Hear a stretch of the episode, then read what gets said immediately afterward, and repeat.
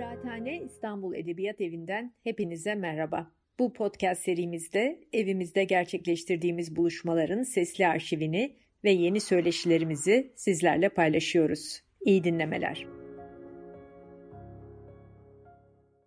İyi akşamlar, herkese merhaba. Kıraathane Kitap Şenliği'ne hoş geldiniz.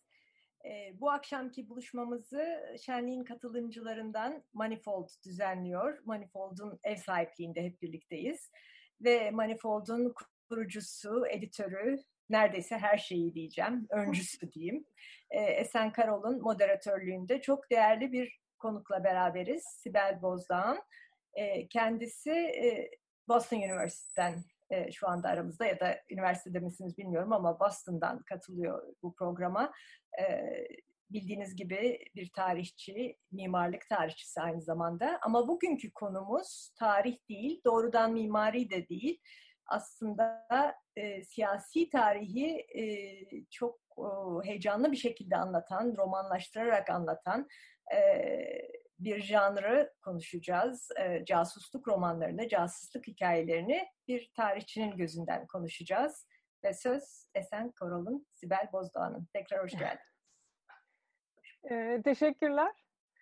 E, herkese merhaba bu arada. E, Sibel Hanım, özellikle size baştan teşekkür etmek istiyorum bu daveti kabul ettiğiniz için. E, Manifold açısından, Manifold'da yazıyor olmanız zaten çok değerli ama e, bu sohbeti kabul ettiğiniz için de çok teşekkürler. E, hemen aslında oradan başlamak istiyorum. Çünkü Manifold yazılarınız iki eksende e, gidiyor e, şu an için. E, birine Americana diyebileceğimiz hatta e, sizin de e, adlandırdığınız e, şekliyle. Diğeri e, casusluk, gerilim, polisiye e, hikayeleri e, diyebileceğimiz eksenler. E, öncelikle aslında konumuza geçmeden evvel e, e, Manifold'a yazmanın yani bu Manifold olmak durumunda değildi. Başka bir benzeri e, yayın da olabilirdi ama Manifold'da yazmanın akademik e, metinlerinizden nasıl farklılaştığını, sizin için nasıl bir e, anlamı olduğunu e, söyleyebilir misiniz? Teşekkür ederim Esen'cim. Ee, kıraathaneye de çok teşekkür ederim bu fırsat için. Ee, öncelikle ben, Esen bana teşekkür etti ama Manifold'a e, gerçekten bir teşekkür borçluyum. Çünkü Esen'in ve Bülent Tanju'nun cesaretlendirmesiyle işte akademik hayatın yanında oraya e, bir şeyler yazmaya başladım. Bu benim akademik hayatımdaki bir böyle yavaşlama, artık kendi sevdiğim şeylere vakit ayırma e, kararı verdiğim dönemeçte olduğu için uygun da geldi. E, yani mesleği değil de bir merakı paylaşma fırsatı olduğu için Manifold bana önemli geliyor. Zaten başkalarını da okuyorum. Yani diyelim ki Gökhan Akçura'yı tanırım. Hep bir şeyler toplayan birisidir. Onun yazılarını okuyorum. İşte Şebnem Baran sinema, televizyon yazıyor. Yani herkesin zannediyorum ki mesleği dışında hobisi ya da merakı olan şeyleri paylaşma fırsatı verdiği için çok da önemli.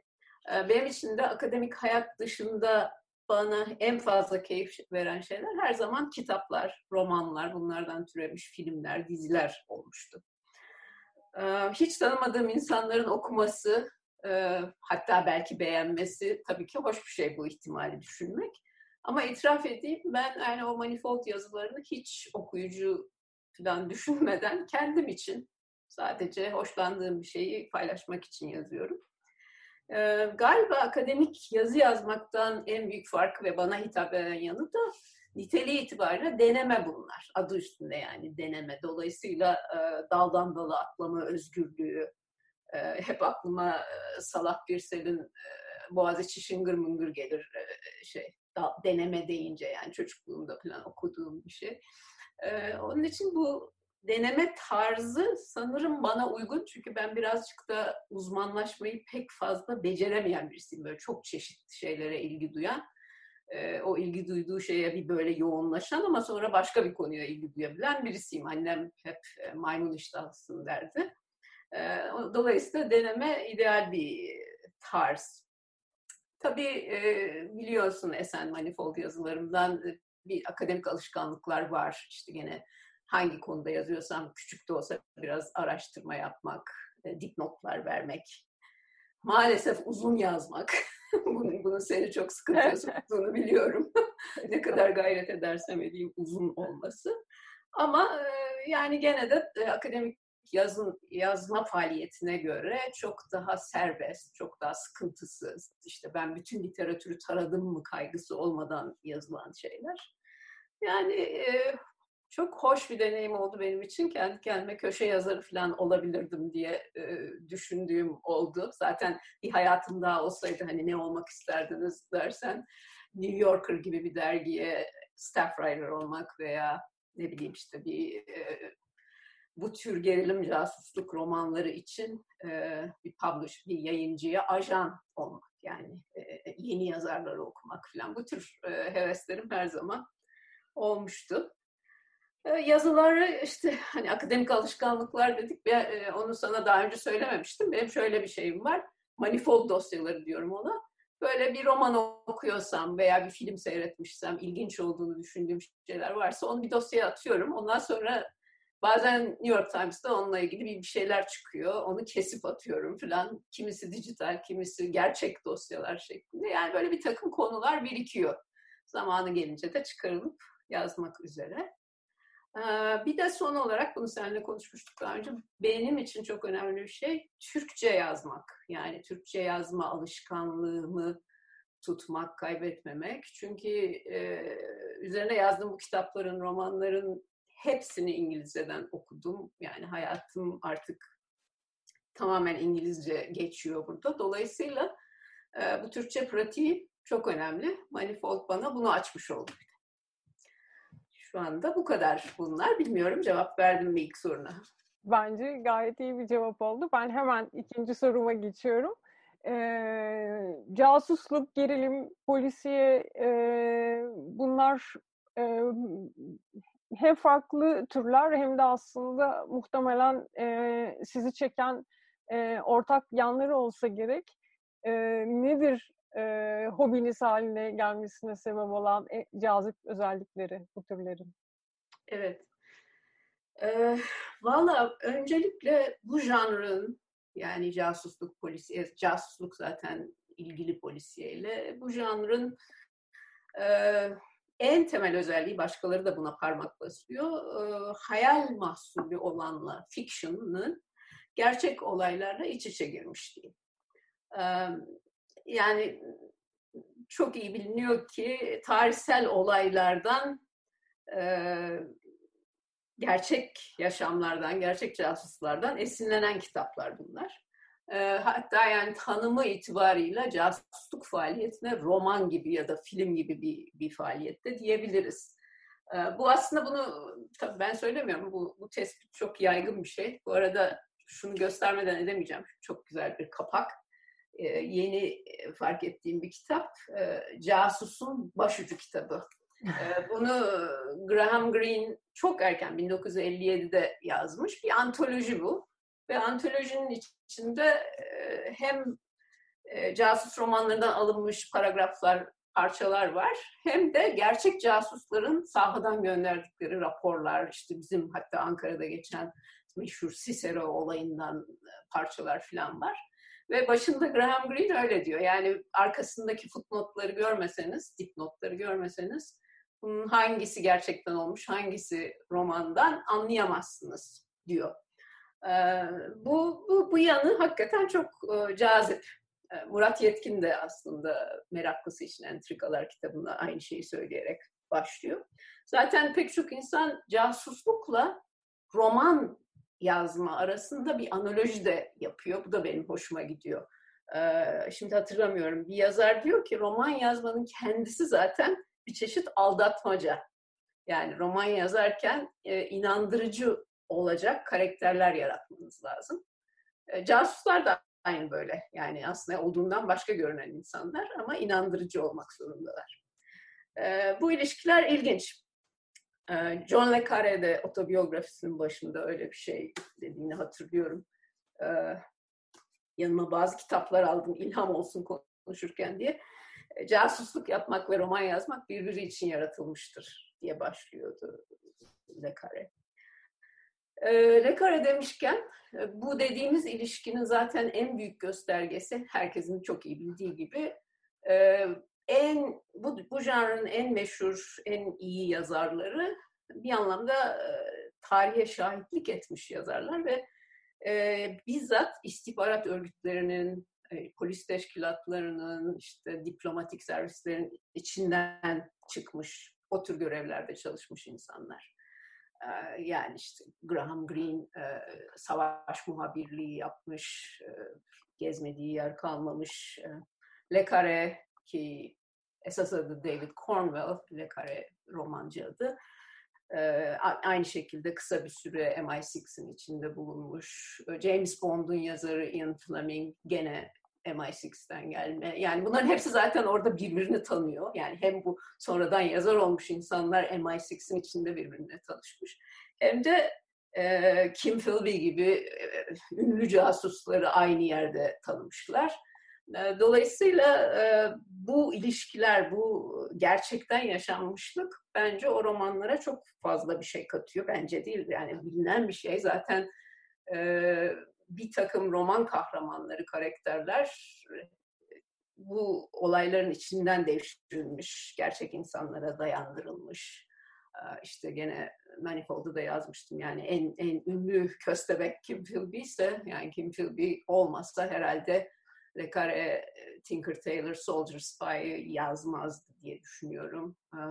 Başka aklıma örnek Murat Yetkin mesela gene Le Carre'nin meşhur Moskov Center başındaki Karla'yı aslında Doğu Alman Stasi istihbaratının başındaki Wolf karakterinden çıkardığını söylüyor. Dolayısıyla yani meraklısı oldukça insan sadece romanı okumakla kalmayıp hani bu ilişkileri de keşfetmeye başlıyor. Belki bunu söyleyebilirim. Ben bu janrı hep severdim. Daha gençken de Graham Greene ile Carey'i falan çok önceleri okumuştum. Ama şimdi böyle bunların üzerine yazan e, McIntyre olsun, Murat Yet, Türkçe'de Murat Yetkin olsun onların e, yazdıklarını okudukça bunların gerçek casusluk olaylarıyla bağlantısını görmek hoşuma gidiyor.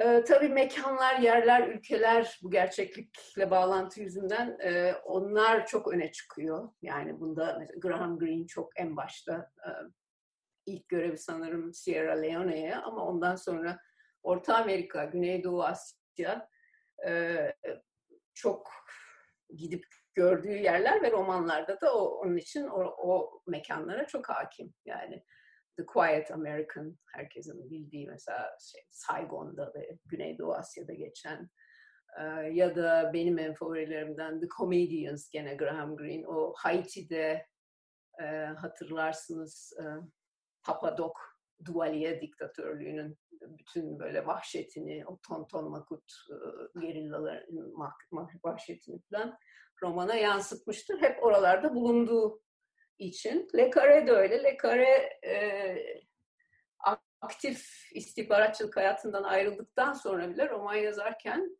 müthiş araştırmalar yapıyor. Yani bu, bu tema sanırım benim söyleyeceklerimin bir alt teksti olarak duracak. E, araştırmacı e, yazar olmak. E, Le Carre'nin mesela otobiyografisinde şey pardon biyografisinde Adam Sisman'ın yazdığı bu en şey en otoritatif biyografi içinde fotoğraflar var. Benim hep unutmadığım yani e, böyle Le Carre uçaktan notlar alarak Kenya ve işte Afrika'yı izliyor, notlar alıyor. Çünkü The Constant Gardener'ı yazıyor o sırada. Yani filmde olduğu için belki hatırlarsınız. Ralph Fiennes'in oynadığı çok şahane bir filmdi. Ee, hep böyle yani şeyi yazarken Mission Song kitabını yazarken e, Ruanda'ya gidip genosidi genosidin etkilerini, o korkunç görüntülerini e, forenzikçilerle falan birlikte bakmış, çalışmış, notlar almış birisi. Yani yazar deyip geçmeyelim. Bunlar aynı zamanda hem tarihçi hem tarihçiye tanıklık etmiş insanlar. Ee, bu tarih boyutu birisi. İkincisi de, biraz da bundan konuşayım, keseceğim, uzat, uzatma ihtimalim var. Hep böyle bir sorun var. E, casusluk kavramının taşıdığı insana dair yan anlamlar e, bana çok cazip geliyor her zaman. Yani casusluğu böyle bir anlamda bir insanlık halleri için metafor gibi görüyorum sanırım. Çünkü nedir yani casusluk? Olduğumuzdan başka görünmek, bir şeyleri saklamak, kime güvenip kime güvenmeyeceğini her her dakika tartmak zorunda kalmak, maskeler takmak, rol yapmak, aldatmak, her an tehlikede yaşamak, her an deşifre olma korkusu, kimliğini herkesten gizlemek. Şimdi bunlar tabii sadece CIA ve KGB ajanlarının yaptığı şeyler değil. Yani hayatımızda hepimiz bazen kendimizi maske takmış bir şeyleri gizliyor, hissedebiliriz. O, o genellikte bakarsak e, hakikaten ilginç bir kavram. Zaten de hani bunu Manifold'da da yazmıştım. Bu janrı eğlencelik türünden edebiyat mertebesine yükselten en önemli şey bence e, bu insani e, derinlikler, kişilikler, kompleks kişilikler, zaaflarıyla, e, işte korkularıyla. Zaten bu konuya başkaları da değinmiştir. Hani en unutmadığımız karakterler bir, bir takım anti kahramanlar. Yani George şey Le Carre'nin George Smiley'sini, Smiley karakterini hatırlarsanız anti kahramanlar. Yani öyle diğer daha romantik, fantastik James Bond karakteri gibi ya da Jason Bourne gibi karakterler değil. Ama çok daha derin çelişkiler yaşayan, pişmanlıklar yaşayan, taraf değiştiren, iltica eden, bu kompleksitedeki karakterler.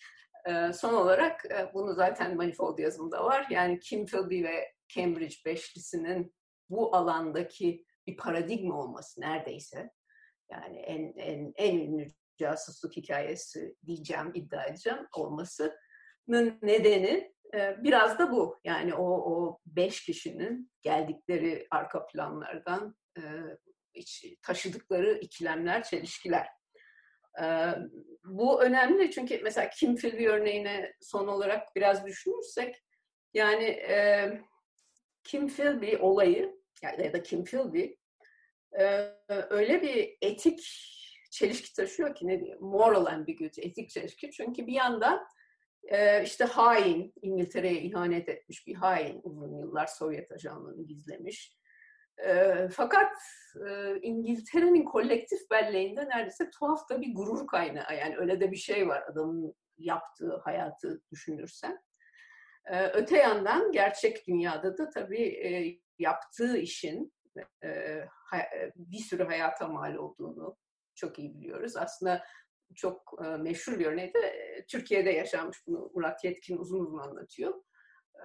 Şey işte İkinci Dünya Savaşı sırasında yani pardon hemen sonrasında Sovyet başkonsolosu İngiltere'ye İngiltere konsolosluğuna iltica edecek ve işte bir takım bilgiler Sovyetlerden aldığı bilgileri oraya verecek. Tabii bunları e, ifşa ederse e, şey Kim Philby'nin kim olduğu da ortaya çıkacak. Kim Philby de o sırada İstanbul'da ve çok komiktir. E, Kim Philby e, e, MI6 içine sızmış istipa şey ajanları, Rus ajanlarını ortaya çıkarmak üzere görevlendirilen birisi ki kendisi onlardan bir tanesi. Yani bu çok ironik bir tarihin bir şeysidir. Her neyse uzatmayın bunu meraklısı bilir. E, ama yani Kim Philby bunu öğrendiğinde hemen Ruslara haber veriyor ve e, bu konsolos Volkov ve e, karısı kaçırılıp öldürülüyor. Yani bu Kim Philby'nin yaptığı casusluk faaliyeti sonucu öldürülen insanlardan sadece iki tanesi ki bunların onlarcası var. E, demek istediğim yani bu kişilerin yaptıkları işler hem gerçek e, sonuçları var, çok ciddi korkunç sonuçları var. Hem de böyle bir e, roman konusu olabilecek bir e, etosu, bir şeysi, romantizmi var. E, sanırım işte bu karmaşıklıklar da beni bu janra çekiyor Esen. Burada bırakayım bu soruyu çünkü bir yandan da zamanı gözlemek istiyorum. bu bu cevapta diğer sorularıma birazcık e, sızmış oldu. Ama ben e, gene de e, e, hazırlığıma sadık kalmak istiyorum çünkü e, bu yanıtınızdan e, tahmin etmek çok zor olmasa da e, bu hikayelerde ağırlıklı olduğu olarak sevdiğiniz e, dönemi e, ve neden o dönemi daha çok sevdiğinizi e, anlatmanızı rica edeceğim. Ayrıca e, gene e, olgularla bağını e, açmış oldunuz ama e, ta, tarihle e, bir, ta, bir bir şekilde hani e, edebi eser olarak e, okuduğumuz için ki bu hikayelerin hepsi kurgu olmayabilir şüphesiz ama e, bu metinlerle e, bu metinlerin tarihle ve tarihçiyle nasıl bir ilişkisi var diye soracağım. Tabii bu, bu zaten üzerine en fazla düşündüğüm mesele yani Manifold'da yazdığım yazılarda da var. Şey Eric Ambler üzerine yazdığım yazıyı hatırlarsan orada bir e, alıntı yapmıştım. Ambler'ın kendisinden 1981'de onunla yapılan bir e, mülakatta. E, orada şöyle diyor, bunu yazdım şuraya, onun için okuyacağım. E, casusluk, gerilim, macera romanları belli bir dönemde insanların nasıl düşündüğü ya da devletlerin nasıl davrandığı konusunda konvansiyel romanlardan çok daha fazla şey söyler. Bundan 100 yıl sonra eğer bu romanlar hala kalmışsa bizim dünyamızda ne olup bittiğini anlamak için ipuçları bu casusluk romanlarında aranacaktır diyor. Bu Eric Ambler. Ee, yani bence de çok haklı. Ee, tarihle ilişkisinde ben şöyle özetleyeyim uzatmamaya çalışarak e, iyi casusluk hikayeler her şeyden önce birer period piece. Yani bir e, e dönem e, anlatısı, dönem anlatısı.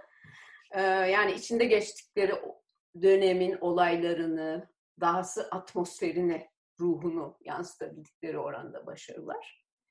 Ama aynı zamanda ikincisi ki bu, bu da benim için çok önemli, bugüne dair bir şeyler söylemeleri. Yani bu klasik casusluk hikayeleri İkinci Dünya Savaşı ve Soğuk Savaş'ta geçiyor tabii ama ben bugün okuyorum ya da biz bugün okuyoruz ve işte ne buluyoruz bunlarda yani sadece o dönemi anlamanın ötesinde bir şeyler bulduğumuzda muhakkak yani bunun örneği zaten herkes bunu söylüyor bugünlerde. Mesela Weimar Almanyası'nın bu kadar yeniden ilgi çekmesi, gündeme gelmesi, okunması tamamen bununla ilgili. Çünkü orada yani Naziler öncesi Weimar'da gördüğümüz kaos değil mi? Kaos. O bütün koşullar böyle ekonomik çöküntü, göçmenler yani onların hepsi bir anlamda bugün de var. Zaten e, bunu şeyde yazmıştım. Hani Volker Kutscher'in Babylon Berlin ile ilgili yazımda. E, yani orada ne var? E, en en belirgin üç şey var. Yani taşranın metropole düşmanlığı, her türlü ötekiye düşmanlık, imparatorlukların çöktüğünü kabul edememek. Değil mi? E, o milliyetçilik. Bunlar hepsi var orada. Ve orada bunlar işte faşizme giden yolları da böyle yavaş yavaş açıyorlar. Ee, şimdi e, o orada ve şimdi de Trump Amerikası var. Yani o saydığım mesela üç tane şeyin hepsi şu anda burada da oluyor. yani bunlar hangi yola gidecek e, hepimiz merakla bekliyoruz. E, dolayısıyla yani bu bugüne bağlanması önemli bir şey. Tercih ettiğiniz dönemler dedin. Orada kısaca şöyle söyleyeyim. Yani casusluk aslında çok eski bir faaliyet.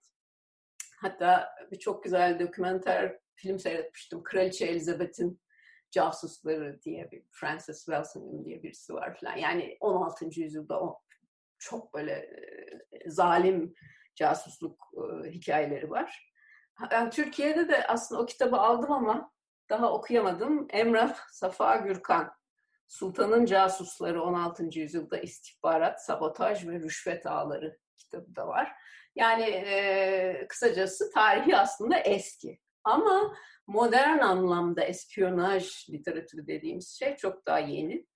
E, bir anlamda da romanların yazılmasıyla eş zamanlı. Yani bu daha önceki e, söylediğim şeye değiniyor.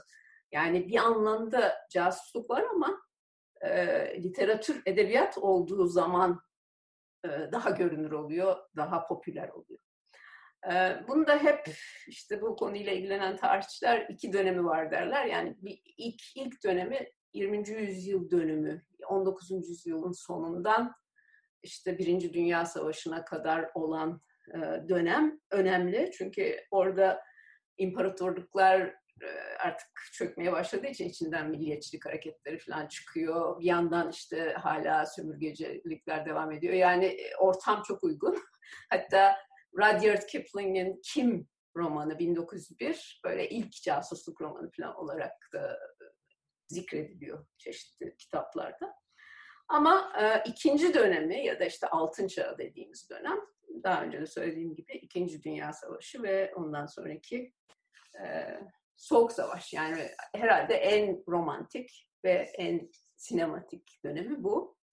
E, bu dönemde bir de önemli bir şey casusluğun kurumsallaşması ve profesyonelleşmesi. Yani daha ondan önce daha çok böyle e, işte e, askeri bilgi alma, istihbarat ya da yani daha böyle tek tük insanların casus olarak devşirilmesi ve Nazi şeylerine, şehirlerine gönderilmesi falan biçiminde cereyan eden faaliyet e, İkinci Dünya Savaşı'ndan sonra e, çok resmi bir hal alıyor. Zaten de işte e, e, İngiltere'de mesela o Secret Intelligence Service'ın MI6 olması, işte Amerika'da o Office Stratejik Servisler Ofisi'nin CIA olması 1947'de yani e, bugün bildiğimiz o meşhur örgütler, Sovyetlerde KGB'nin kurulması bunların hepsi aşağı yukarı o savaşın hemen ertesindeki günlerde, günlerde oluyor. E, uzatmayayım. Bu şeylerden bahsedince örgütlerden bunlarla ilgili bir ayrıntı belki bana ilginç gelmişti, sizlere de gelebilir. Mesela bu örgütlerin CIA olsun, MI6 olsun, bunların e, ajanları ve işte politik faaliyetleri yanında büyük teknik birimleri var. Yani e, James Bond filmlerinden hepiniz e, hatırlarsınız. James Bond bir, bir işe çıkmadan önce değil mi gidip o e, şeyde alt kattaki Q e, Q departmanına gider işte e, ne bileyim silah olabilen e, dolma kalemler, işte patlayan evrak çantaları falan gibi bir takım aygıtlar alır. Yani ben bunu hep Bond türü filmlerin fantazisi olarak düşündüğüm bir şeydi. ona biraz bakmıştım bir zaman. Gerçekten inanılmaz teknik departmanları var. Mühendislerin, teknisyenlerin çalıştığı her iki her iki örgütünde. Ee, yani ayrıntısına girmeyeyim ama böyle bir spycraft e, yani casusluk zanaatı bu spycraft kitabının bu bir katalog yani içinde böyle işte çeşitli dinleme araçları ne bileyim görünüşü şey gibi sigara kutusu gibi ama aslında kamera falan bunların hepsi var. Yani belki, belki biraz e, tasarımcı, endüstriyel tasarımcı falan arkadaşlara bunlar çok ilginç gelebilir. E, onu da söylemiş olayım. Yani ben şöyle bir bakmıştım ama hakikaten e, müthiş bir şey yani. O zaman anlıyorsun Q departmanının e, çok da fantazi olmadığını. Evet. E, cevap verdik mi bilmiyorum. Böyle. evet. Yani, yaz, yazdığım gibi konuşurken de daldan dala. Devam edelim. Ee, bir sonraki sorunuz ee, bu iki Weimar Polisiyesi e, metninizden gördüğüm kadarıyla e, ister kurgu olsun ister olmasın aslında bu metinlerin e, arka planındaki e, araştırma süreci ve metinlerin kaleme alınma e, yöntemleri de üzerine düşündüğünüz mevzular e, dolayısıyla e, sanki e, arada bir fark yokmuş bir önceki sorunla gibi olacak ama e, tarih yazımı bağlamında, e, yöntemler bağlamında e, söyleyecekleriniz vardır diye tahmin ediyorum. Evet. Evet yani daha önce söylediğim gibi bir kere e, yazarların ilk neslinin diyelim e, ki bu ilk nesil derken ben kabaca en çok Eric Ambler, e, Graham Greene ve Le Carre'yi kastediyorum. E, bunların e, direkt olarak caz faaliyeti ve örgütleri içinden gelmesini söylemiştik. Yani onlar bir anlamda ayaklı tarih gibiler ama araştırma da yapıyorlar. Ee, yeni nesil ki yeni nesil derken yani bu, bu, bu külliyat o kadar büyük ki tabii benim okumadığım bir sürüsü var ama e, yani hemen aklıma gelen Alan First, Joseph Canon, e, Charles Cummings ki yani Le Carre'nin devamı gibi davranılıyor. E, bu yazarlar e, roman yazmak için adeta tarihçilik yapıyorlar. E, ha, bir de işte iki Weimar Polisiyesi yazısında söylemiştim. Volker Kutscher böyle birisi Alman. Yani o Babylon Berlin'i yazmak için 1928'de geçiyor biliyorsunuz Babylon Berlin. Yani New York Times'a çıkmıştı bu röportaj. Orada kendisi anlatıyor. Her gün sabah kalkıp kütüphaneye gidip 1928'in Berliner Zeitung veya işte hangi gazeteyse günlük gazetelerini önüne açıp akşama kadar okuyor. Akşama kadar notlar alıyor. Yani işte şu semtte şu cinayet işlendi, burada işçiler grev yaptı, burada polis o grevi bastırdı. Ve bu notlar birleşip de ortaya şey fiction çıktığında o fiction tabii ki her noktası, her satırı gerçeklik hissi verebiliyor. O yazıda Philip Carrer'den bahsetmiştim. O da İskoçyalı bir yazar. Yine Berlin üzerine yani Berlin polisiyeleri yazıyor. O da İskoçyalı ama işte Alman hukuku ve Alman tarihi okumuş. Aynı şekilde çok iyi biliyor yani o günlerde olan olayları. Dolayısıyla yani bunlar roman yazarı da olsa bir anlamda tarihçilik yapıyorlar. Bir de onun tersi var. Ee, araştırmacı gazeteci veya tarihçi olanlar var. Ee, işte buna en güzel örnek Ben McIntyre. Ben McIntyre da fiction olmayan, roman olmayan gerçek hikaye, gerçek casusluk hikayelerini yazıyor. Hatta e, yani en meşhur e, o kitapları getirdim bilmiyorum. İşte Kim Philby mesela Kim Philby olayını bir sürü insan yazdı ama hiçbir şekilde bu Ben McIntyre'ın kitabı kadar önemli değil bence bu A Spy Among Friends kadar. Her neyse e, o da tamamen MI6 arşivleri veya işte yeni kullanıma kamuya açılmış arşivlerle çalışıyor. Mesela İngiltere'ye iltica etmiş bir Rus ajanı var Mitrokin 1992'de iltica edince yanında bir sürü belge getiriyor. O belgeler Mitrokin arşivi oluyor. Bütün bu arşivlerden çalışarak işte yazdığı 4-5 kitap hakikaten her bir kitabı roman diye oku. Yani gerçek insanlar, gerçek olaylar ama hatta en son çıkan kitap bu belki biliyorsunuzdur.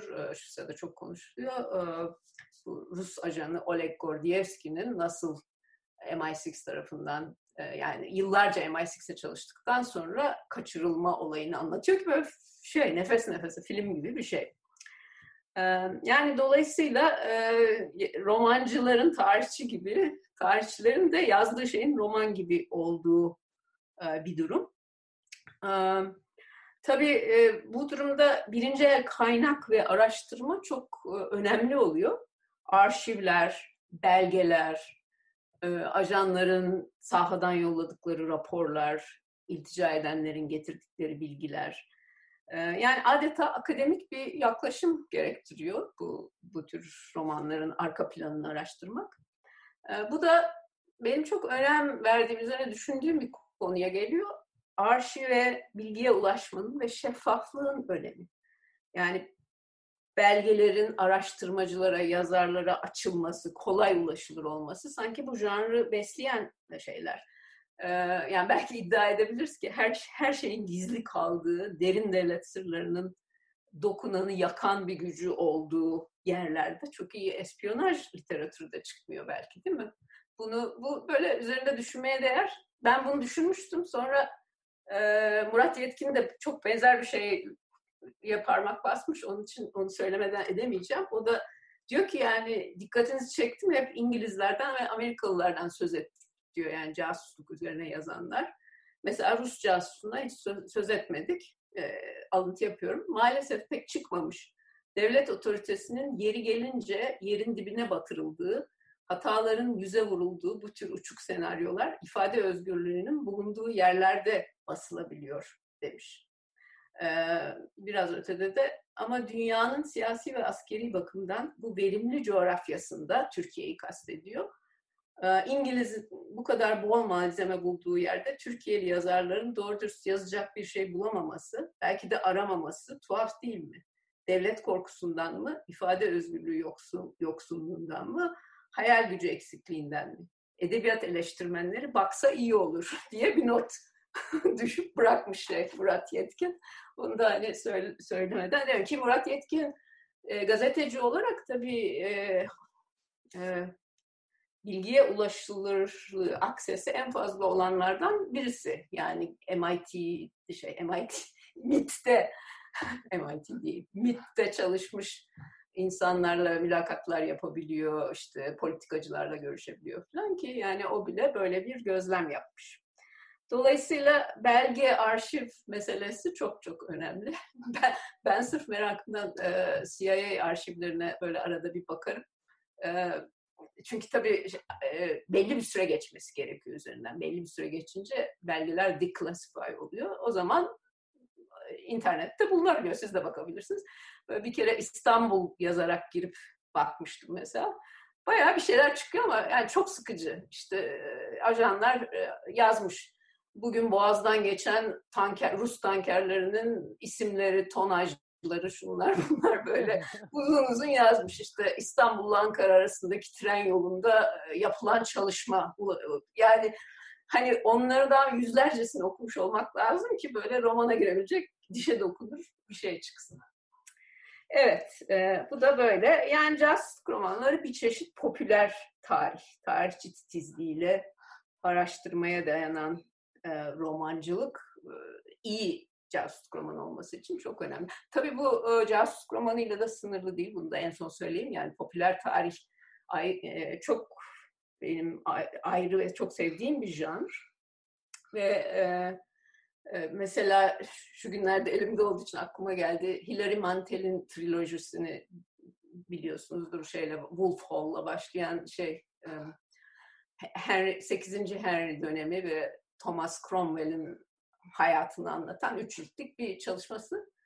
Ee, çok güzel bir örnek bu konuştuğumuza. Yani adeta e, onun üzerinden bu edebiyat tarih ilişkisi konuşulabilir. Çünkü e, tamam yani içinde tarihsel olaylar var. Henry VIII, Anne Boleyn'in e, kafasının kesilmesi hepsi var bunların ama öyle bir ayrıntı var ki yani Thomas Cromwell bir ziyafet veriyor işte o sofradaki e, balıklar, yanan mumlar, e, kadife perdeler yani e, sanki oradaymışsınız gibi bir şey yapıp işte bu budur yani romancılık hani şeyden alıp olaylardan alıp onu e, bir e, vakanüvis tarih gibi değil de hani bir böyle gündelik hayat tarihiymiş gibi sanki e, bize verebilme gücü diye düşünüyorum.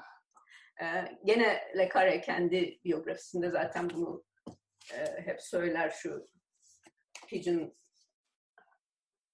Pigeon Tunnel kendi otobiyografisi. Yani onun hemen başında böyle bir şey var. Diyor ki e, ben gerçekte yaşanılan olaylardan bir tiyatro yaratmaya çalışıyorum. Bunun için de diyor önce e, hayal gücü gerekiyor. Sonra gerçeği araştırmak, sonra hayal gücüne geri dönmek ve şu masaya oturup yazmak. Yani çok güzel bir şey dairesini çizmiş bu. Evet, bu da bu kadar. Saate bakıyorum çünkü... e, zaman açısından fena değiliz. Ben zaten e, ş, son sorumu e, Doğan Sima'dan gelen e, soruyla e, birleştireceğim. E, oradan e, o soruyla beraber e, katılımcılarımızın sorularına geçeriz ama araya e, e, hepimiz e, ağırlıklı olarak tasarımcılar için önemli bir soruyu sıkıştırmadan edemeyeceğim. E, sonuçta tarihçi e, olarak bak baktık mevzuya ama e, mimarlık tarihçisi olarak e, baktığınızda e, bu casusluk anlatılarında e, yapılı çevreye ilişkin e, kentlere, binalara, e, yapılı çevre kavramı iyi bir kavram zaten aslında. Ona ilişkin e, e, okuduklarınız hakkında neler söyleyebilirsiniz?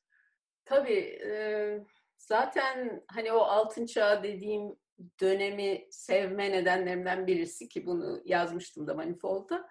Ee, yani o dönemde casusluk son derece mekansal ve görsel boyutu olan bir şey. Yani bakarsan ayrıntılarına nasıl yapılıyor bu? Çoğu zaman işte belge, bilgi toplama, o belgeler, o minyatür Minox iki kameralarla resimleri çekiliyor. Onlar zarflara konuyor. O zarflar genellikle böyle parklarda hani bu sahne herhalde herkesin gözünün önündeki jenerik bir sahne. Parkta birisi oturuyor, yanına birisi geliyor, oraya bir zarf bırakıyor veya işte e, kilisede kamusal alanlarda kalabalıkların içinde bir takım şeyler değişiyor. Yani e, bu tür mekanlar, e, şey, e, şehirler son derece önemli. E, atmosfer önemli. Çok fazla gece sahneleri var. Değil mi? Karanlık, tekinsizlik, yani noir tarzıyla eşleştirilmesi buradan geliyor zaten. Şehirlere gelince, yani bu çok e, bilinen bir konu ama hani üzerinde de düşünmeye değer gerçekten hani casusluk şehirleri diyebileceğimiz e, klasik şehirler var yani. Bunların en başta Berlin. Yani Berlin Berlin olmasa herhalde casusluk edebiyatı olmazdı değil mi? E, duvar var.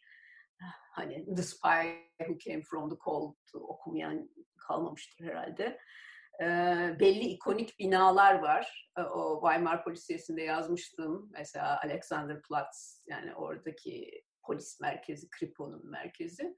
O sadece Babylon Berlin'de değil yani bir sürü kitapta hep geçer. Alex kırmızı taşlardan yapılmış işte meydana bakıyor falan. E, bu tür e, belli kanonik binalar, e, şehirler. Berlin kadar olmasa bile ne bileyim işte bir işgal altındaki Paris ya da Blitz bombardımanı sırasında Londra bunlar çok önemli sahneler birçok casus romanında. Ian Fleming aslında Blitz'te Londra'da kendisi bunu yaşamış. Onu da şey yapalım. Ondan sonra Viyana, Sofya, Prag bunlar da çok var. Yani doğuya doğru gittikçe sanki şehirlerin gizemi, casusluk potansiyeli artıyor gibi de diyebilir miyiz bilmiyorum. E, tabii ki Moskova. Moskova'da KGB merkezi, Lubyanka altında şeyler, hapishaneleriyle falan. Yani bunlar e, böyle tekrar eden temalar şeklinde.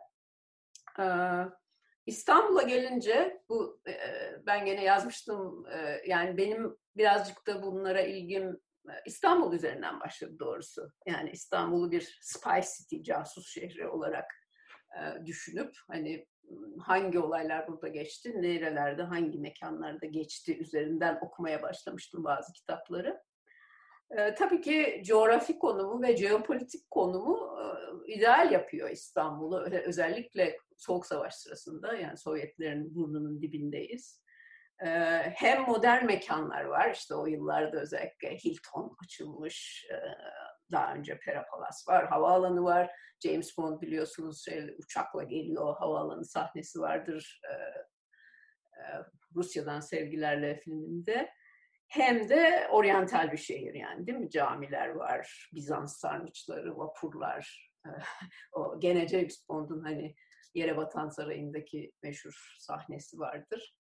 E, yani İstanbul belki de e, en ideal şehirlerinden biri casusluk hikayeleri için. Ee, 2012'de hatırlıyorum bunu bir derste kullanmıştım. 2012'de e, arka arkaya böyle bir sürü film çıktı.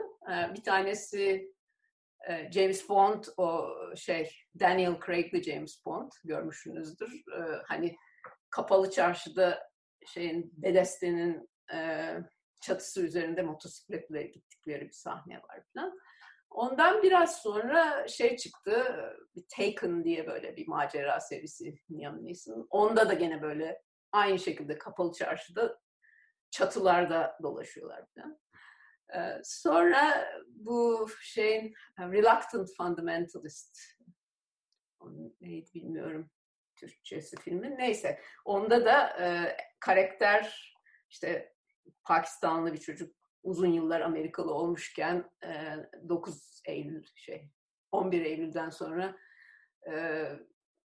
çok kötü muamele görüyor ve Pakistan'a geri dönmek dönmeye karar veriyor. Dönerken tabii İstanbul'dan geçiyor. Onun da böyle o çatılardan camilere bakan, sonra işte camiye giriyor. Yani bir anlamda Müslüman olduğunu orada keşfediyor falan.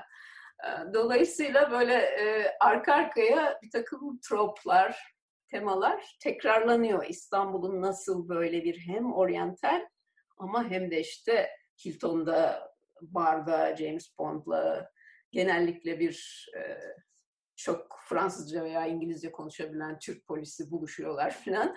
Böyle e, klişeler diyebiliriz. Böyle klişeler İstanbul'u da bu e, tarzın içinde bence çok önemli bir yere koymuş vaziyette. Hatta böyle bazı e, coğrafik olarak gerçekten olmayan şeyler romanlarda e, yer alabiliyor. Böyle popüler, özellikle ucuz popüler romanlarda bu Nick Carter'ın İstanbul'u gibi. Mesela bunda işte kahraman Hilton'da penceresinden Haliç'e bakıyor falan. Yani nasıl oluyor ben tam anlamıyorum Hilton. Belki üst katlarından görünüyordur ama böyle e, biraz yani eğrip bürmeler de oluyor e, coğrafyayı. Yani Türkiye'den gelip geçmiş çok ünlü casuslar var. Roman konusu olacak olaylar var. Zaten yani sırf Murat Yetkin'in iki ciltlik kitabını okumak bunu yeter. Bunlar uluslararası literatüre de ne kadar yer bulmuş o şüphe götürür. Çünkü çok fazla yok. Yani en bilinen işte Cicero olayı var. Bu İlyas Fazla'nın. Ki o da biliyorsunuz film yapıldı.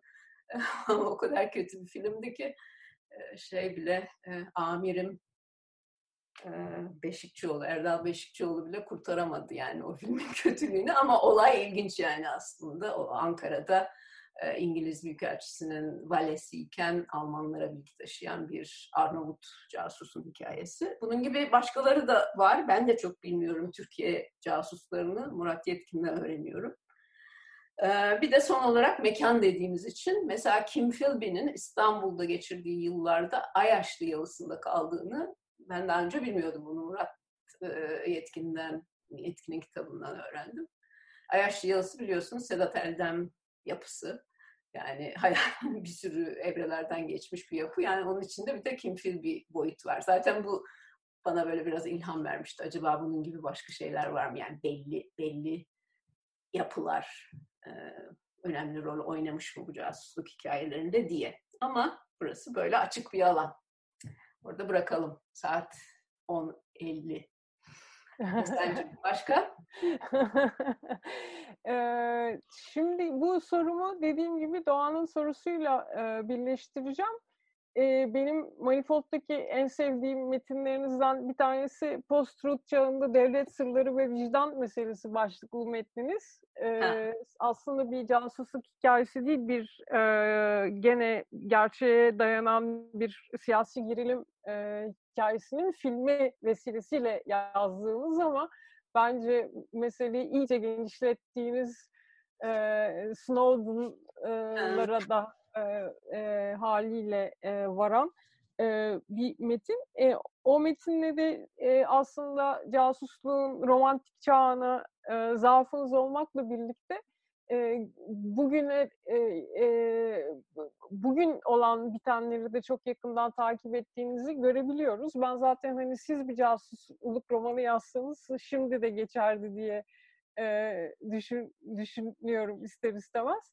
E, e, birazcık bugünün casusluk hikayeleri hakkında ne e, düşünüyorsunuz diyecektim ki e, Doğan da şöyle bir soru sormuş. Zaten e, sanıyorum e, sizin de takıldığınız meseleler buralarda. E, teknolojik casusluğun ağırlık kazanıp insan faktörünün azalmasına rağmen işte casusluğun büyüsü sizce devam ediyor mu? Hı hı. E, diye soruyor. İyi vurgulayamamış olabilirim sorusunu affetsin kötü okuduysam. Anladım sanıyorum. evet. evet yani bugün bugün çok ilginç tabii. Ee, gene bir kaotik bir dönemden geçiyoruz. Hatta yani apokaliptik bile diyebiliriz değil mi? Ee, şeyi bırak hani politik olayları, politik casuslukları bir de işin içine çevre olayları, pandemi falan girdi. Onun için hakikaten atmosfer olarak uygun bir dönemdeyiz. Zaten sanırım geçen haftaydı New York Times'da çıktı. Mesela şu sırada en yoğun casusluk faaliyeti e, Rusya, Çin ve Amerika arasında Covid araştırmaları. işte aşı ve ilaçlar falan. Yani Covid araştırmaları konusunda bilgi çalma e, yarışı içinde diyelim. Yani bu çok ilginç. Hem çok benziyor eski olaylara yarış, bilgi çalma falan hem de çok güncel bir tarafı var. Ee, yani bir sürü insan zaten aynı şeyi söylüyor. Casusluğun yeni bir yükselen çağında mıyız diye. Ee, herhalde öyle olduğunu söyleyebiliriz. Ee, ama hani soğuk savaş sırasında daha askeri ve politik istihbarata dayalı bir faaliyetken şimdi bilim teknoloji casusluğu çok öne çıkmış vaziyette. Hatta evet yani şu anda o bilim teknoloji meselesine geleceğim o soruya çünkü Snowden'i okuyalı beri ben de o düşünüyorum ama sadece teknolojik olmayan casusluk biçimleri, klasik casusluk biçimleri de sanırım bitmiş değil. Yani bunu da görüyoruz. Bu da gene Murat Yetkin'de son kitabında e, bu konu var. Mesela sırf Türkiye'de bile e, Murat Yetkin sayıyor böyle arka arkaya Ankara'da değil mi şey e, neydi o Lavrov cinayeti oldu. Ondan sonra Zeytinburnu'nda bir sürü Çeçenler öldürüldü. Yani Rusya'nın muhalifleri gidip öldürmesi bilinen bir şey. Zehirlemesi bilinen bir şey. İngiltere'deki zehirleme olayı, daha yeni zehirleme olayı. İşte Kaşıkçı cinayeti oldu falan. Yani böyle eskiye benzeyen e, siyasi cinayetler falan da devam ediyor bu kesin. Ama e, soruya dönersek, evet casusluğun nitelik değiştirmiş bir faaliyet olduğunu herhalde söyleyebiliriz. Araçları değişmiş, e, yepyeni bir bağlam içinde.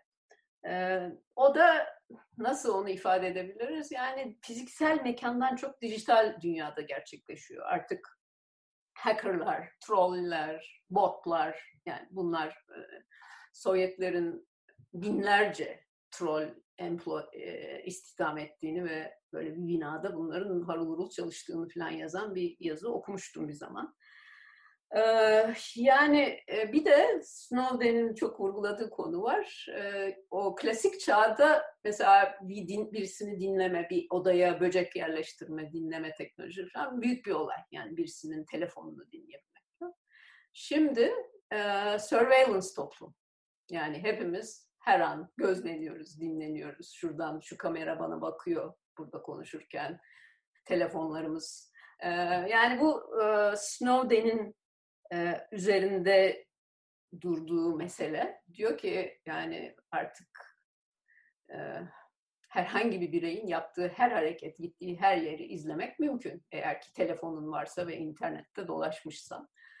E, bu yepyeni bir casusluk tarzı. Bunda da Düdük Çalıcılar yazısından, Whistleblowers yazısından başladın Esen. Onun için onunla ilgili söyleyerek bitireyim. Yani Düdük Çalıcılar bir anlamda bu işin yeni versiyonu. Artık böyle devletler için gizli bilgi toplamak, onu bir, bir devletten öbürüne yapmak yerine gizli bilgileri basına ve kamuya sızdırmak. Yani biraz insanları haberdar etmek olandan bitenden. İşte bu da yani bu dönemin ilginç bir şeysi. Snowden, neyse şimdi kitap bakmayayım. Snowden bir, bir biyografisinde Permanent Record e, bu konu çok önemli ve o düdük çalmayı ve vicdanla hareket edip otoriteye karşı gelmeyi aslında gerçek vatanseverlik olarak tanımlıyor. Yani bu bana hep ilginç gelmiş. Hatta bir yerinde kitabın şey diyor. Yani Amerika'nın kendisi e, bir ihanet, mi? hainlik olayından ortaya çıkmıştır diyor. America was born out of treason diye bir lafı var. Çünkü hakikaten işte yani İngiltere'ye ve İngiltere'nin kurallarına karşı isyan ederek e, oluşmuş ve işte o anayasayı yapmış bir ülke değil mi? Dolayısıyla e, bu düdük çalmanın önemi yani kurallara karşı bile gelsen bazen vicdanı dinleyip o kuralları karşı gelmeyi vatanseverlik olarak görmek gerektiği üzerine falan e, güzel bir bölüm vardı. dolayısıyla günümüz e, çok daha karmaşık bir tablo. Öyle bitirelim. Yani hem e, kaosun boyutları çok farklı. Siyasi var, çevresel olaylar var, e, pandemi vesaire var. Bunların hepsi casusluk konusu olabilecek şeyler. Aktörler çok fazla değil mi? Soğuk Savaş'ın iki kutbunda değiliz. E, Çin var, e, İslam dünyası var falan. Onun için yani bu günlerin klasik casusluk romanlarını yazmak öyle pek kolay iş değil. Yani romancılar için bile kolay iş değil. Var tek tük rastladığım ama yani ben çok da okumadım ne yalan söyleyeyim. Ee, ayrıca da hani bana siz yazsanız diye bir şey yaptım. E, teveccühün e, mümkün değil. Yani mümkün değil. Bütün bu anlattığım nedenlerle e, ben roman yazamam. Çünkü bu, bu tür şeyleri yazmak için hakikaten böyle bir ya birebir ilişki, kaynaklara birebir ulaşım, olması gerekir. Hep söylüyorum işte yani yazarsa belki Murat Yetkin yazar. Malzeme var onda sadece onun romana dönüşmesi lazım. Benimki daha çok roman yazmak değil ama yazılan romanları okumak, onlarda ortak temalar bulmak, belki antolojiler yapmak falan. Hani bu, bu çok daha e, bana yakın gelen bir çerçeve. Evet. Ee, ben hemen çok hızlı e, kıraathaneye sormak istiyorum. E, süremizin dolmasına iki dakika var. Birkaç tane güzel sorumuz var. Bir 5-6 dakika uzatabilmemiz mümkün mü acaba? Elbette. Tabii memnuniyetle. Mutlaka sorulara cevap alalım. Tamam. O zaman e, ben e, iki soruyu ben de bakıyorum ama. Aslında çok ilişkilenebilir gibi gözükmemekle beraber e, iki soruyu birleştirebilirim diye düşünüyorum. E, birisi e, Emre Gönlügür'den e, gelen bir soru. E, kendisi casusluk yazılımından ziyade polisiye roman takipçisi olduğunu söylüyor ve diyor ki polisiye romanda çok belirgin e, ekol farklılıkları var. Casusluk romanında da bu var mı diyor ama daha sonrası bir sonraki soruyla belki birleşebilir. Toplumsal çözümlemeye yatkın Latin polisiyesi, İskandinav polisiyesi, Anglo-Sakson e, muamma anlatıları gibi benzer bir bölgesel, ülkesel ayrımlar casus romanlarında var mı? Yoksa ülkeler üstü hatta transnasyonel bir janr mı casusluk hmm. anlatısı romanı diyor. E, hemen e, dediğim gibi aslında bağlı değilmiş gibi ama bence atlanabilir. Seval Şahin de casusluk anlatılarıyla milliyetçilik arasında bir ilişki var mı diye soruyor. Öf, bu sorulara cevap vermek için bir saat daha kalabiliriz ama güzel, çok güzel sorular. Teşekkür ederim. Emre'yi tanıyorum. Ee, diğeri kimdi? Milliyetçilik. Seval Şahin, e, e, Seval Şahin. E, Edebiyat Akademisyeni e, kendisi böyle tarif ettiğim için bana kızmasın. yok yok çok çok çok güzel sorular. Ee, yani bir iki şey söylemeye çalışayım ama dediğim gibi bunlar ayrı bir seminer konusu olabilecek derinlikte sorular.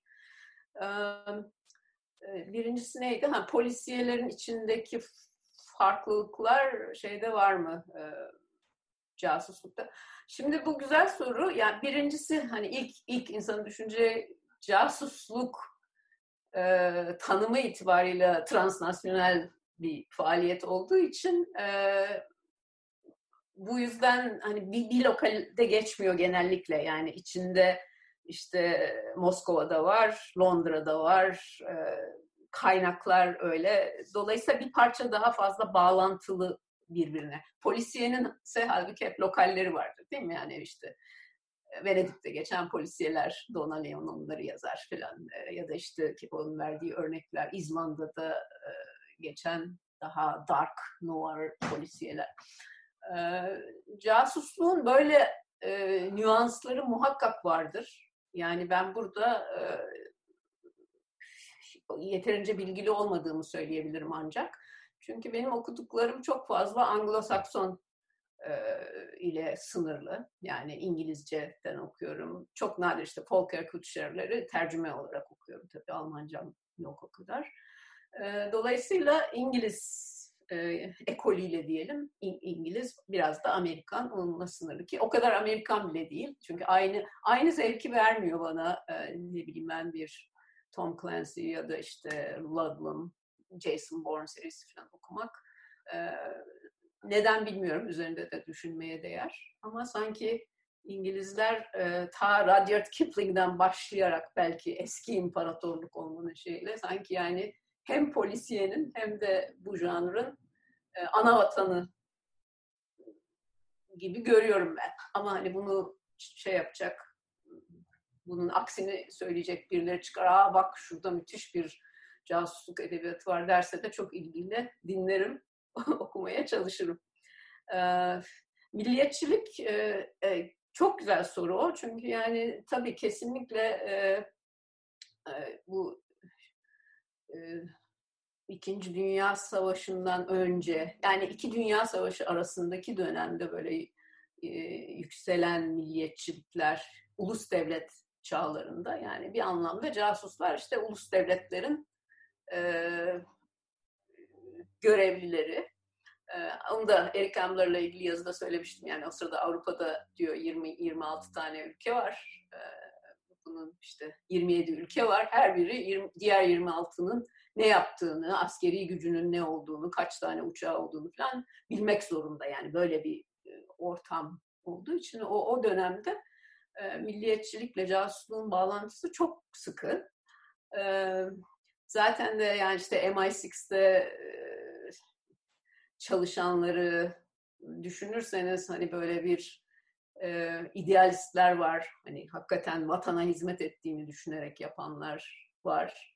Ama e, opportunistler de var. Yani bu, bu da çok ilginç. Gene Ben McIntyre'ın e, en sevdiğim kitaplarından birinde bir Agent Zigzag diye bir adam var. E, gerçek bir adam bu. Adı, adı kod adı Agent Zigzag. Zigzag olmasının nedeni de durmadan taraf değiştiriyor. Yani şey, çift ajan olmanın ötesinde. Önce bu adam bir e, adi suçlu, hırsız. E, yani adaletten kaçmak için Almanya'ya gittiğinde bu sefer Naziler bunu sen bizim için İngiltere'ye git casusluk yap diyorlar. İngiltere'ye geliyor Nazilere casusluk yapmak üzere. Bir süre sonra İngilizler bunu sen geri bize dön double agent yani çift ajan ol diyor. Tam yani zigzag böyle çift ajan oluyor ama e, bir yandan da hani onu yaparken ya Almanlar bana çok daha iyi davranıyordu, daha çok para veriyordu falan. Acaba onlara mı gitseydim falan diyen. Yani böyle e, bu da casusların hatta birisi nerede okuduğumu hatırlamıyorum. Yani casusların milliyeti yoktur, sadece kendileri vardır diyen e, bir birisi vardı. E, biraz gerçek payı var herhalde.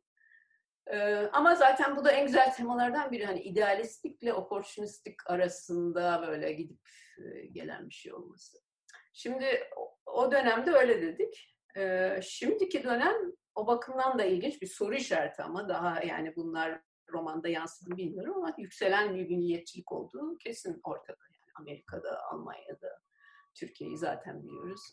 Yani e, bu da tabii ki casusluk faaliyeti için çok verimli bir ortam. E, neyse burada burada bırakalım. Yani tamam. bu bağlantıyı biraz düşünmem lazım, örnekler bulmam lazım doğru düz bir cevap vermek için. Belki başka bir ortamda konuşuruz. E, son dört dakikamız diye kabul ederek e, bir tane e, buna çok e, kısa bir e, soru yani kısa cevap verebilirsiniz diye düşünüyorum. Daha evvel e, kadın e, söz konusu olduğunda bir James Bond konuşmuştuk çünkü sizinle. E, sonra Çağda Türkmen'in doğrudan casusluk hikayeleriyle alakalı olmayan bir sorusu var. O da çıkış için iyi olabilir. E, hemen James Bond'u sorayım. E, Kemal Öztürk'ten geliyor soru. 007 serisi hakkındaki görüşünüzü sormak istiyorum diyor. Bond e, günümüze uyarlanıp farklı kimliklerde temsil edilmeli midir yoksa artık yetti deyip e, bitirilmeli midir e, evet. diyor.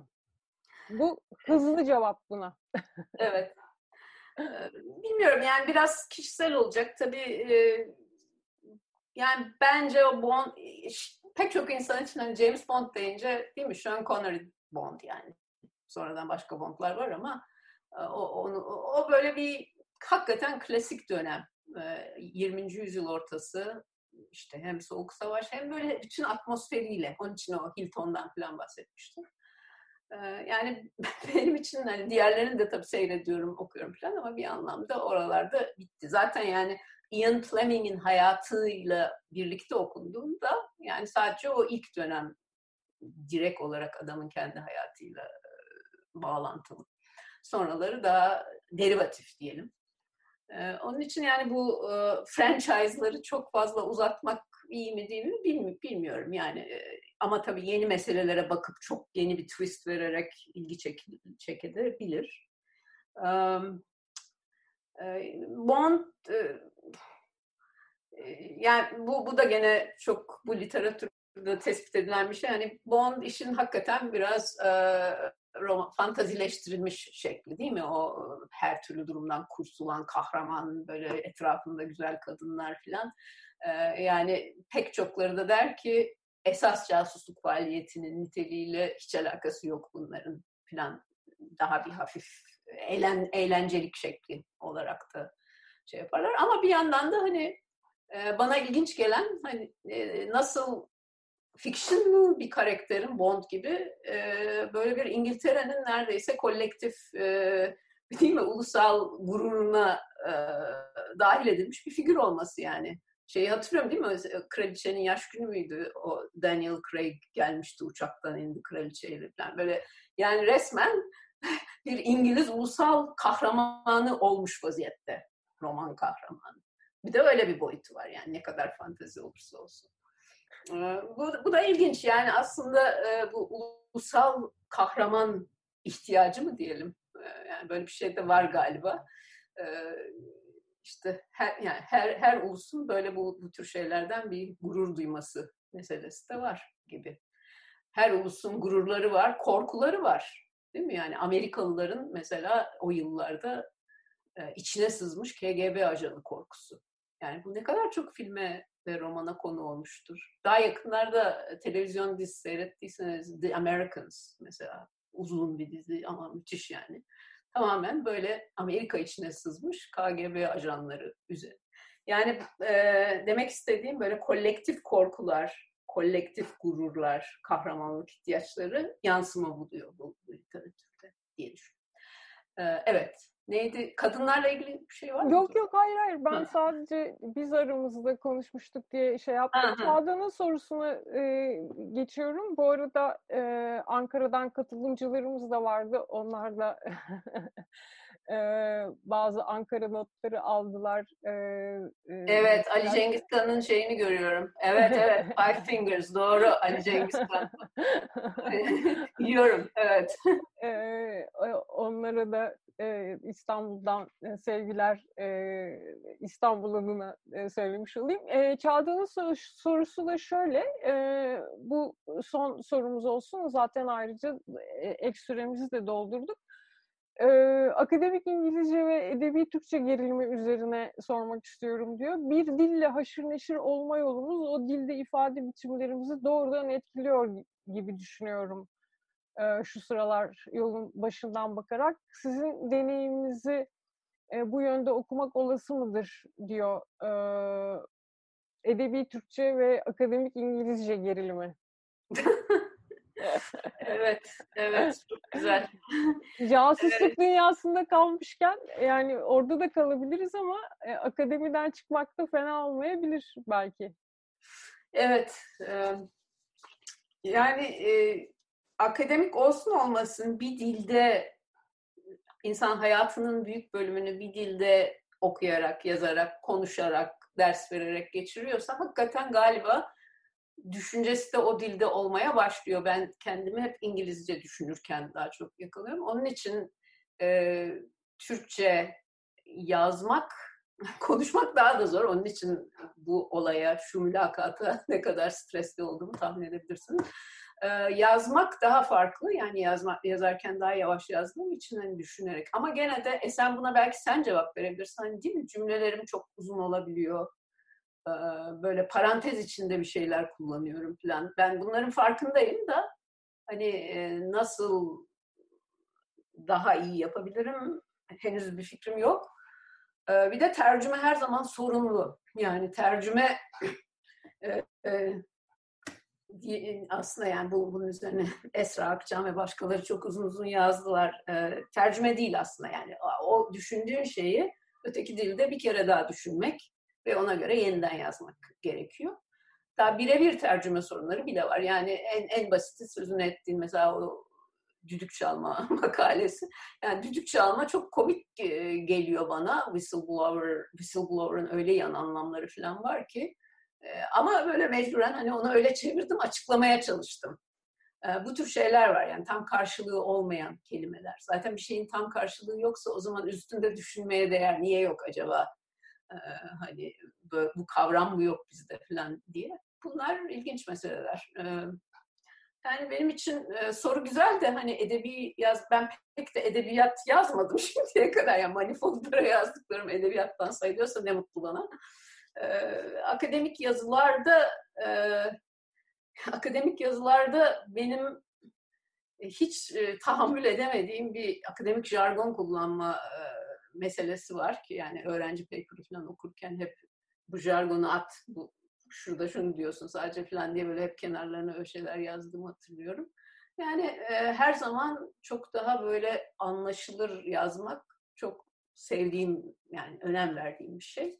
Ama e, akademik dünyanın böyle sanki talepleri var yani. E, belli jargonlar kullanılırsa veya işte yüzlerce dipnot verilirse o daha bir otoritatif mi oluyor nedir? Yani bu deneme yazılarında böyle bir şeyin olmaması zaten benim bu SNE ve Manifold'a çeken faktörlerin en başında geliyor. evet. Ben e, bir Emine Çiğdem Masraf elini kaldırmış, süremiz doldu, sorunuz varsa iletebilir misiniz dedim ama süremiz gerçekten doldu. Ee, yüzden e, kendisi bizi affetsin. Affetsin, başka zaman konuşalım. ee, sizin e, eğer söylemek istediğiniz son bir şey varsa e, onu alalım. E, Yasemin Hanım belki e, e, kapatmak ister. Evet, evet. Ev sahiplerinden bir şey duymak güzel olur. Yani çok çok teşekkür edebilir, edebilirim ancak. Hakikaten çok büyük keyifle dinledim. Eminim e, bize katılanlar da öyle. E, doymadık. Bir saat yetmiyormuş o kesin. E, şöyle bir rica ile bitireyim ben. E, artık kitap şenliği çerçevesinde olmaz ama İstanbul Edebiyat Evi olarak e, önümüzdeki sezon ki bizim yeni sezon sonbahar aslında Ekim'de başlıyor. Ekim, Kasım, Aralık aylarında size uygun bir zamanda yine buluşalım. Yine bu konuları konuşalım. E, John le Carre yani biz bazen yazarlara özel bakan programlarda yapıyoruz. Belki bir yazar seçip konuşuruz. John le Carre evet. 90 filan oldu galiba. Şimdi tam yaşından emin olamadım ama. 93. Yani, o zaman 93 yaşında kutlayarak diyeyim artık. Biraz yani bu janra soğuk savaş dönemi sonrası işte teknolojik casusluk bütün bunlara bakmak, örnekler okumak hatta tartışmak sanıyorum hem film boyutuyla hem roman boyutuyla çok çok ilginç geliyor bana. Güzel çok teşekkür olur. ederiz bu güzel sohbet için. Şimdi herhalde herkes bir evine gidip raflarını karıştırıp sevdiği romanlardan birini eline alacak gibi bir his var benim içimde. Zaten kitap şenliğinin en büyük hedeflerinden biri de bu. Bizi kitaplara geri döndürmek, biraz daha okumaya teşvik etmek. Onun için Esen Karol, Sibel Bozdoğan çok çok çok teşekkürler. İyi akşamlar. Ben teşekkür ederim. Hakikaten çok güzel bir ortam. İnşallah yaparız. Ee, belki fiziksel olarak yaparız. Ee, o daha da harika olur tabii. Şu aşımız bulunursa inşallah İstanbul'da görüşürüz. Evet. Hoşçakalın. Sevgiler. Bütün katılanlara da çok teşekkür ederim. Hepsine bakamadım ama tanıdık isimler var. Onun için e, sağ olun geldiğiniz için. Başka ortamlarda devam etmek üzere. Allah'a ısmarladık.